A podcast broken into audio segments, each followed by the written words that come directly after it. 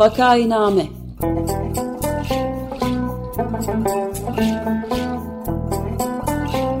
Salgın günlerinde memleket manzaraları. Hazırlayan ve sunanlar Güven Güzeldere, Ömer Madra ve Özlem Tekin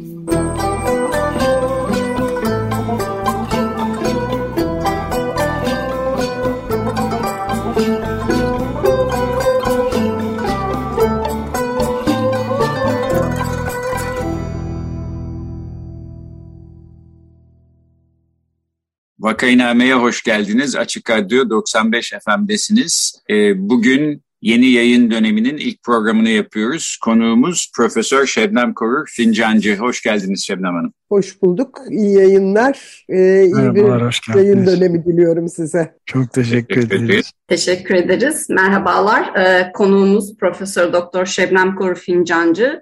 Türk Tabipler Birliği Merkez Konseyi Başkanı, adli tıp uzmanı, insan hakları eylemcisi, adli tıp alanındaki akademik çalışmalarının yanı sıra mesleki, yerel ve uluslararası birçok kuruluşta etkin roller üstlendi. İnsan hakları ihlalleri ve işkencenin belgelenmesi konusunda çalıştı. E, bu çalışmalarıyla birçok ödüle de layık görüldü. E, aynı zamanda kendisi 2003 yılından beri de Evrensel Gazetesi'nde köşe yazarlığı da yapıyor. Hoş geldiniz. Hoş bulduk. Köşe yazarla yapıyorum demeyelim bence. Tahammül ediyor Evrensel Gazetesi ve yayın yönetmenim sevgili Fatih Polat bana. Türk Tabipler Birliği'nin de başkanısınız şu anda.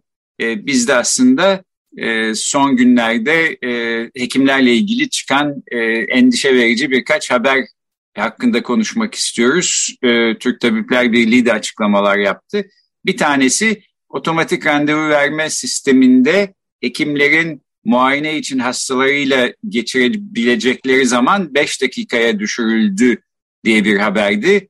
Türk Tabipler Birliği de e, böyle bir şey hatalar ve şiddet doğurur diye bir açıklamada bulundu. Bu işin aslı astarı nedir ve niye böyle bir uygulama yapılıyor? Biraz buradan başlayabilir miyiz?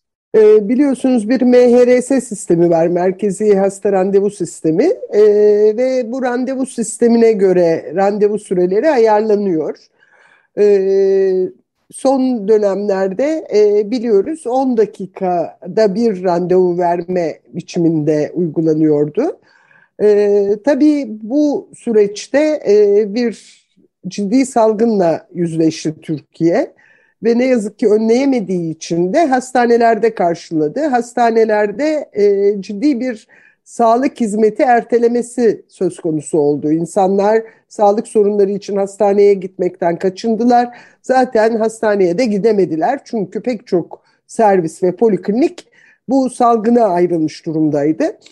Ee, sonrasında tabii ciddi bir yığılma ile karşı karşıya kalındı ve süreyi kısaltmayı, e, randevu süresini kısaltmayı bir çözüm olarak düşündü anladığımız kadarıyla Sağlık Bakanlığı.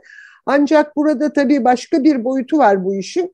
Sağlık Bakanlığı e, değil, doğrudan e, idarecilere, e, yerellerdeki idarecilere bu, bu sorumluluk bırakıldı. Ve e, bazı yerlerde aslında 5 dakikada bir randevu verme biçiminde değil de 10 dakikada bir iki randevu verme biçiminde her zaman yaptıkları algı operasyonunu yaptılar. E, tabii 10 dakikada bir iki randevu gerçek olarak karşımızda 5 dakikada bir olarak tanımlanıyor ve ciddi bir soruna dönüştü. E, uygulama yeri e, olarak tanımladıklarımızdan meslektaşlarımızla görüştük. Bununla ilgili bir dava da açtık. 5 e, dakikada bir randevu verilmesinin sakıncalarına ilişkin ve uygulamasında ortaya çıkabilecek sorunlara ilişkin. Ayrıca şunu da unutmamak gerekiyor. İdareciler de Sağlık Bakanlığı tarafından sorumluluğun kendine bırak, kendilerine bırakıldığını görmeliler. Çünkü ortaya çıkacak sorunlarda, tıbbi uygulama hatalarında, özen eksikliği iddialarında aslında hekimin değil, bu randevu sistemini düzenleyen yöneticilerin sorumluluğu var. Sağlık Bakanlığı doğrudan sorumlu gibi görünmeyerek böylece topu da tacıya atmış oldu. İdarecilere bırakmış oldu. Onu da unutmayalım. Türk Tabipleri Birliği olarak mı açtınız davayı? Evet, Türk Tabipleri Birliği e, ve ilgili ilin e, tabip odasıyla beraber hukukçularımızla bir dava açtık. E, dava günü bekliyoruz. Dünya Sağlık Örgütü muayene e, süresinin ortalama en az 20 dakika olması gerektiğini belirtmiş. O bile az gibi gözüküyor aslında bana. Siz de bir hekimsiniz, gerçi e, adli tıpçısınız ama e, bir hasta muayene ediyor olsanız hastanın ne derdi var bunu anlayıp ona bir şifa önermek için 5 e, dakika yeterli olur muydu? Şimdi tabii adli tıp da aynı zamanda klinik e, boyutu olan bir alan. Hep adli tıp deyince sanki ölülerle uğraşıyormuşuz gibi geliyor ama neyse ki şiddetten insanların e, çoğu ölmüyor. Azınlıkta ölenler ne iyi ki. Dolayısıyla bizim de klinik adli tıp diye bir alanımız var. Tabii ki tamam. yetmez. hele yani bizimkiler zaten çok özellikli olgular, travma olguları, zaman alan güven ilişkisinin daha da güçlü kurulması gereken olgular. Ama şunu da unutmayalım. Aslında her e, yakınması olan hasta bir yaralanma yani örselenmiş olma haliyle gelir hekime ve dolayısıyla öncelikle onun e, o örselenmesini hissettiğini hekimin ona hissettirmesi gerekir ve onu dinleyecek yeterli zaman ayırması gerekir. Yani dinleme süresi dahi 5 dakikayla sınırlı olamaz. Kaldı ki onun öncesinde de bir tanışma süreci var. Bu tanışmanın ardından hani bir güveni oluşturup e, dinlemeye geçilecek. Ayrıca muayene var. Muayene sonrası tabii tetkik gerekiyor mu gerekmiyor mu onun üzerine e, bir zaman ayırmak gerekiyor. Birlikte konuşmak gerekiyor olası tetkikleri ve sonra da tedavi sürecini birlikte konuşmak gerekiyor. 20 dakika bile kısa gerçekten. Tabii ki kontrol hastaları olabilir, daha kısa süreli hızla e, destek verilebilecek durumlar olabilir ama e, onun dışında evet e, asgari sürenin 20 dakika olması gerektiğini tüm uluslararası örgütler, meslek örgütleri tanımlamıştır. E, ayrıca bizim de e, geçmiş dönemdeki uzmanlık tüzüğümüzde benzer bir düzenleme var idi. Ancak tabii o kadar alt üst oldu ki sağlık mevzuatı e, o da gerilerde tarihte kaldı. Peki ben bir de T24 haber sitesinde birkaç gün önce yayınlanmış bir özel dosyadan bahsetmek istiyorum. Gözde Yel ve Melis Karaca hazırlamışlar. E, diyorlar ki bitmek bilmez mobbingler, şiddet, ağır çalışma koşulları Türkiye sadece doktorlarını mı kaybediyor yoksa geleceğini mi? Nitekim geçen hafta Ankara Şehir Hastanesi'nde görevli bir doktor uzun süren bir e, nöbet sonunda evine giderken bir trafik kazası geçirdi, vefat etti.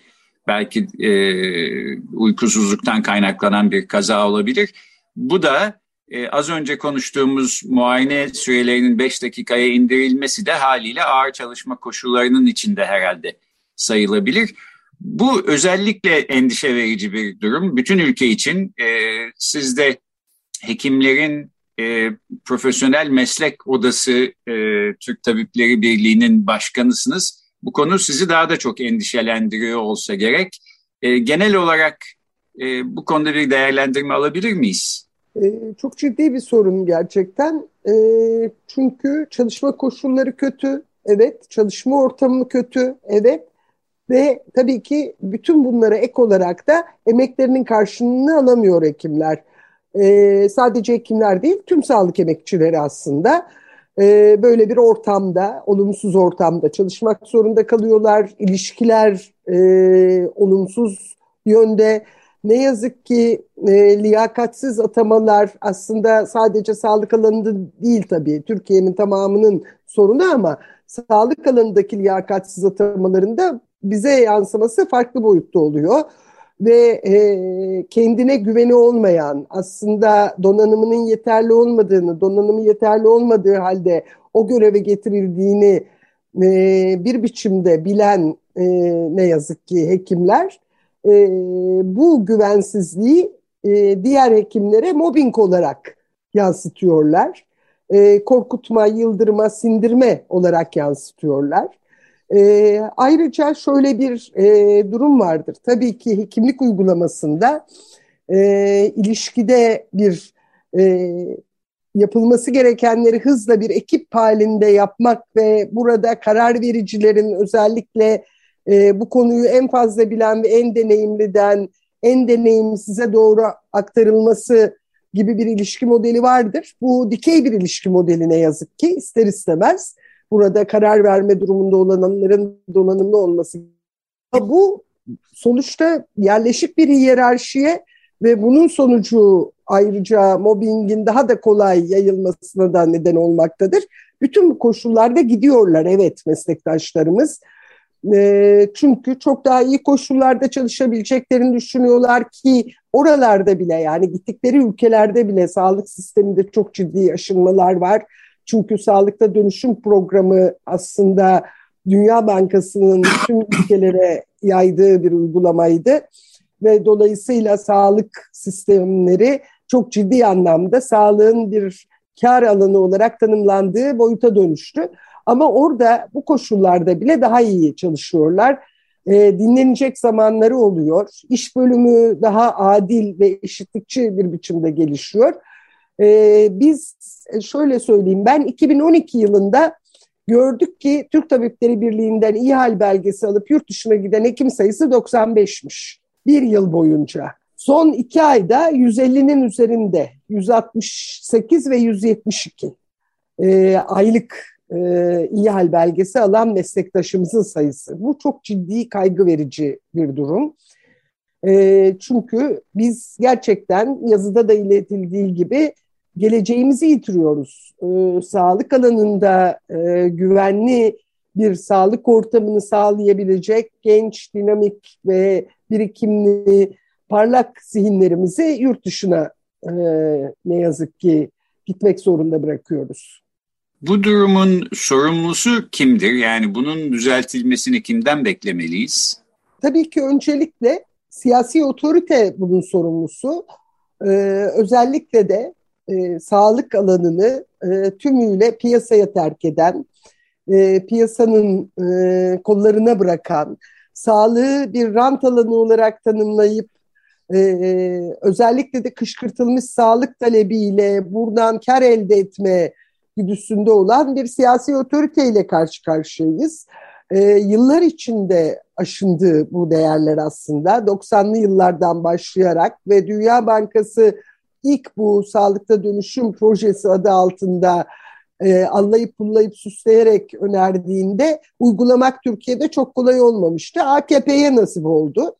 E, AKP bunu e, bu 20 yıllık süreleri içinde neredeyse 20 yıla varan süreleri içinde sağlığın tüm alanına yansıttı ve inanılmaz bir e, değer yitimiyle karşı karşıya kalındı. E, özellikle kamusal alanda sağlık hizmetlerinde ciddi bir çöküş oldu. E, hekimlerin çalışma koşulları ağırlaştı, güvencesizleştirildi hekimler, sözleşmeler dayatıldı hekimlere e, ve e, ücretlerinde ciddi bir aşınma söz konusu oldu. Asgari ücretin biraz üzerinde e, mesleğe yeni başlamış bir hekimin aylığı e, ve yıllarını bu işe vermiş hekimler de ondan daha yüksek ücretler almıyorlar aslında. Yoksulluk sınırının altında ücretlendirmeleri. Bütün bunları düşündüğümüzde e, hekimlerin e, bu e, ortamda kalmak istememesinin sorumlusunda siyasi otorite ve 20 yıllık bu siyasi otoriteye imzasını atmış olan AKP olduğunu söylemek e, mümkün. E, tabii ki e, bunun yanı sıra yalnızca e, AKP'nin e, sorumluluğu değil, aslında e, bizim etkili bir biçimde mücadelemizle ilgili eksikliklerin de burada e, rolü olduğunu unutmamak gerekiyor. E, çünkü e, hekimler olarak, sağlık çalışanları olarak ilk düzenlemeler yapıldığında, örneğin ek ödeme adı altında e, bir takım ödemeler yapılacağı e, gündeme geldiğinde e, o düşük ücretlerine biraz katkı olacağı düşüncesiyle desteklendi. Performans adı altında aslında niteliğe değil niceliğe bağlı bir sağlık hizmeti öngörülüyordu oysa ki. E, Türk Tabipleri Birliği olarak tabii ki bunları aktarmaya, paylaşmaya ve gerçeği göstermeye çalıştık ama yetemedik. E, çok daha örgütlü bir mücadeleye ihtiyaç vardı ve meslek örgütünün çatısı altında örgütlenerek mücadeleye ihtiyaç vardı. Bunun benzeri pek çok sorunu e, gene aynı şekilde gündeme getirsek de e, örgütlü mücadele geleneğinin de ne yazık ki aşınmış olması e, bütün bu yıllar içinde bizim bazı adımlar atabilsek de yeterince bu konuyu gündeme taşıyamamıza da neden oldu diyebilirim. Ben de bu vesileyle bir soru e, bir başka boyutuna bunun değinecek bir soru sormak istiyorum müsaadenizle. Yani bu Biyanet'te e, internet haber sitesi Biyanet'te e, Tuğçe Yılmaz'ın hem video hem de söyleşilerle şey yaptı yaşayamazlar mıydı diye bir dizi başlattı. Covid-19 pandemisi nedeniyle hayatını kaybeden sağlıkçıların hikayeleri. Yani yalnız mesleklerini, ülkelerini değil bizzatihi dünyayı terk etmek zorunda kalan e, çok dramatik hikayeleri de içeren bir şey ve yani hayatını kaybeden sağlıkçılar işte sizin e, düzenlediğiniz siyah kurdele sayfasında birer sayı olarak kalmasın hikayeleri duyulsun. Salgının en güç dönemlerinde dahi çalışmak zorunda kaldıkları unutulmasın diye yola çıktık diyor. Yani pek çok ilde İstanbul, Ankara, Hatay ve Hakkari'de yaşayan bu kentlerde çalışırken Covid-19 nedeniyle hayatını kaybeden sağlıkçıların yakınlarıyla görüşüyorlar. Yani çok e, bazılarıyla da görüşememişler ama dosya kapsamında sağlıkçılar Cemil Taşçıoğlu, Dilek Tahtalı, Esat Ülkü, Melih Aktan, Muhammed Şama, Nebil Emir, Taki, Taki mi nasıl okunacak tam bilmiyorum. Taki Türk Yılmaz, Adnan Ezelsoy ve Mehmet Molla Mahmutoğlu. Bu son derece e, çarpıcı bazı şeyler, dosyaları da içeriyor.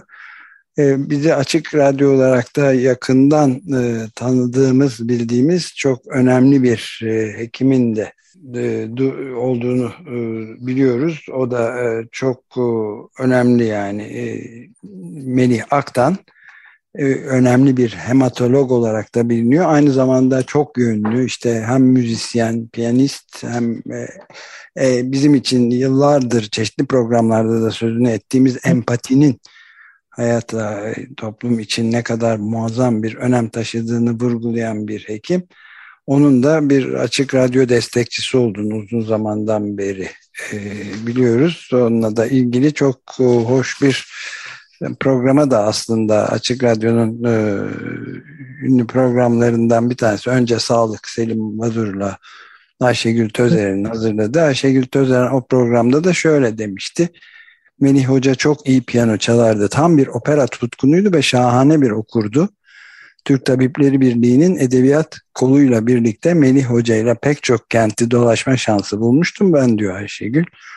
Ve Samsun'a, Adana'ya, Yaşar Kemal'i anmaya, Edirne'ye birlikte gitmiştik.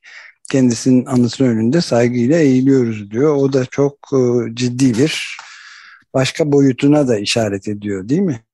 E, elbette aslında e, tabii siyah kurdele tam da e, bir yandan sayı olarak kalmasın yitirdiklerimiz evet. diye başlatılan bir çalışma. Çünkü her ismin altına e, baktığınızda arkasında bir insanı görüyorsunuz, bir değeri görüyorsunuz ve nasıl değerleri yitirdiğimizi görüyoruz beraberinde. E, biz de e, bu salgın sürecinde, küresel salgının birinci yılında e, küçük bir çalışma yapmıştık. Ulaşabildiğimiz meslektaşlarımızdan birkaçının ailelerinden, yakınlarından e, videolar istemiş ve onları yayınlamıştık. Tam da sayı olarak kalmasınlar, insan oldukları unutulmasın diye. Ee, tabii e, çok değerli insanlar gerçekten. Melih Hoca, Melih Aktan hocamız hematolog, e, onun ötesinde ama hani iyi bir piyanist gerçekten sevgili Ayşegül Tözeren'in de dediği gibi. Ee, Esat Ülkü hocamız da Aydın Tabip Odası Başkanı'ydı. O da iyi bir fotoğraf sanatçısı örneğin.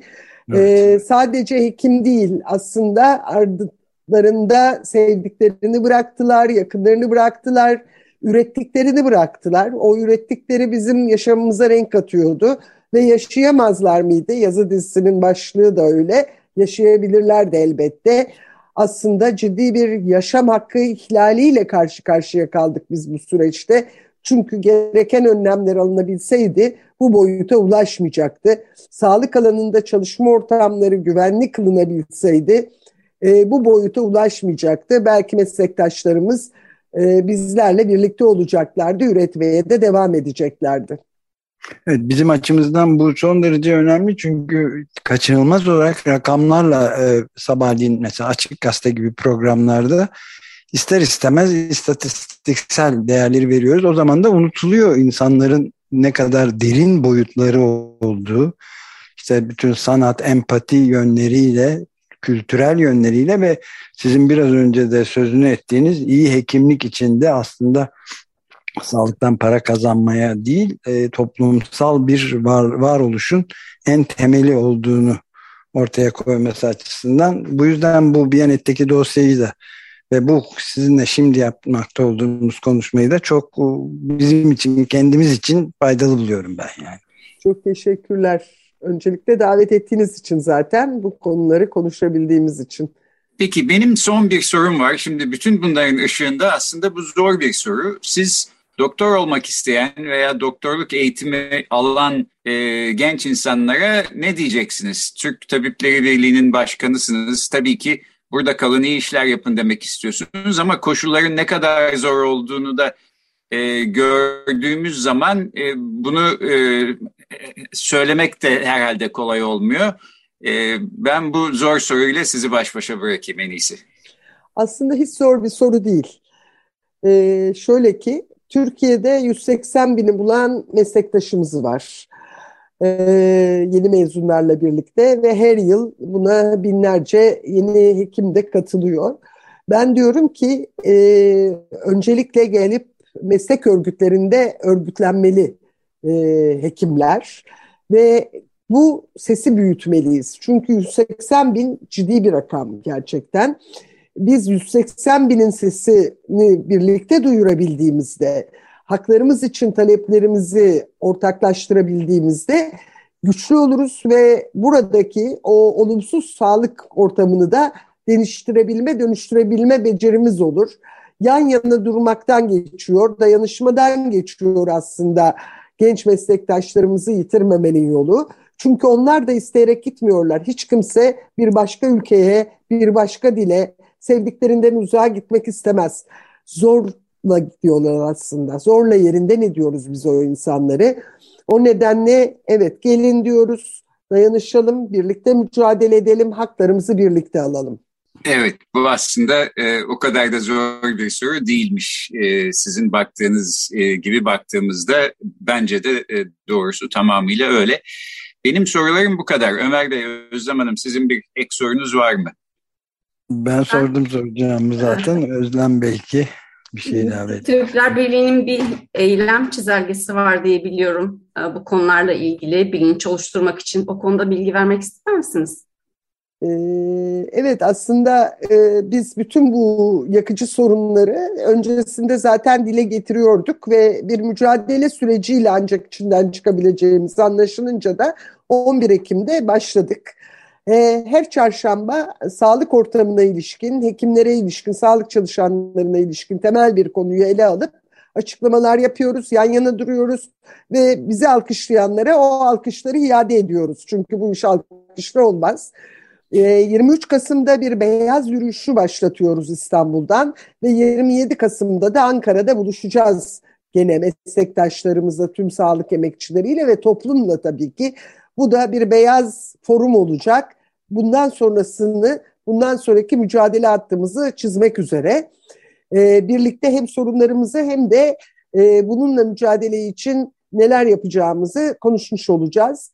O yüzden ben tüm meslektaşlarımı beyaz yürüyüşe davet ediyorum. En azından bizi karşılamaları ya da uğradığımız illerde bizimle buluşmaları ve bizi uğurlamaları için Beyaz Forum'da da gelin diyoruz sözümüz çoğalsın bu sözü güçlendirelim. Peki isterseniz bu sözlerle programı kapayalım. Güzel bir kapanış oldu. Çok teşekkür ediyoruz. Bugün konuğumuz Profesör Şebnem Korur Fincancı'ydı. Türkiye'de e, hekimlerin sorunlarını e, konuştuk. Sağ olun yeniden görüşmek üzere. Çok teşekkür ederiz Şebnem Hanım. Ben Teşekkürler. teşekkür ederim.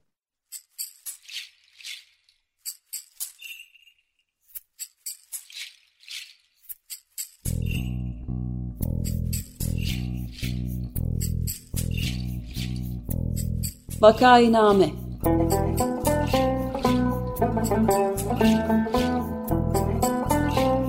Salgın günlerinde memleket manzaraları.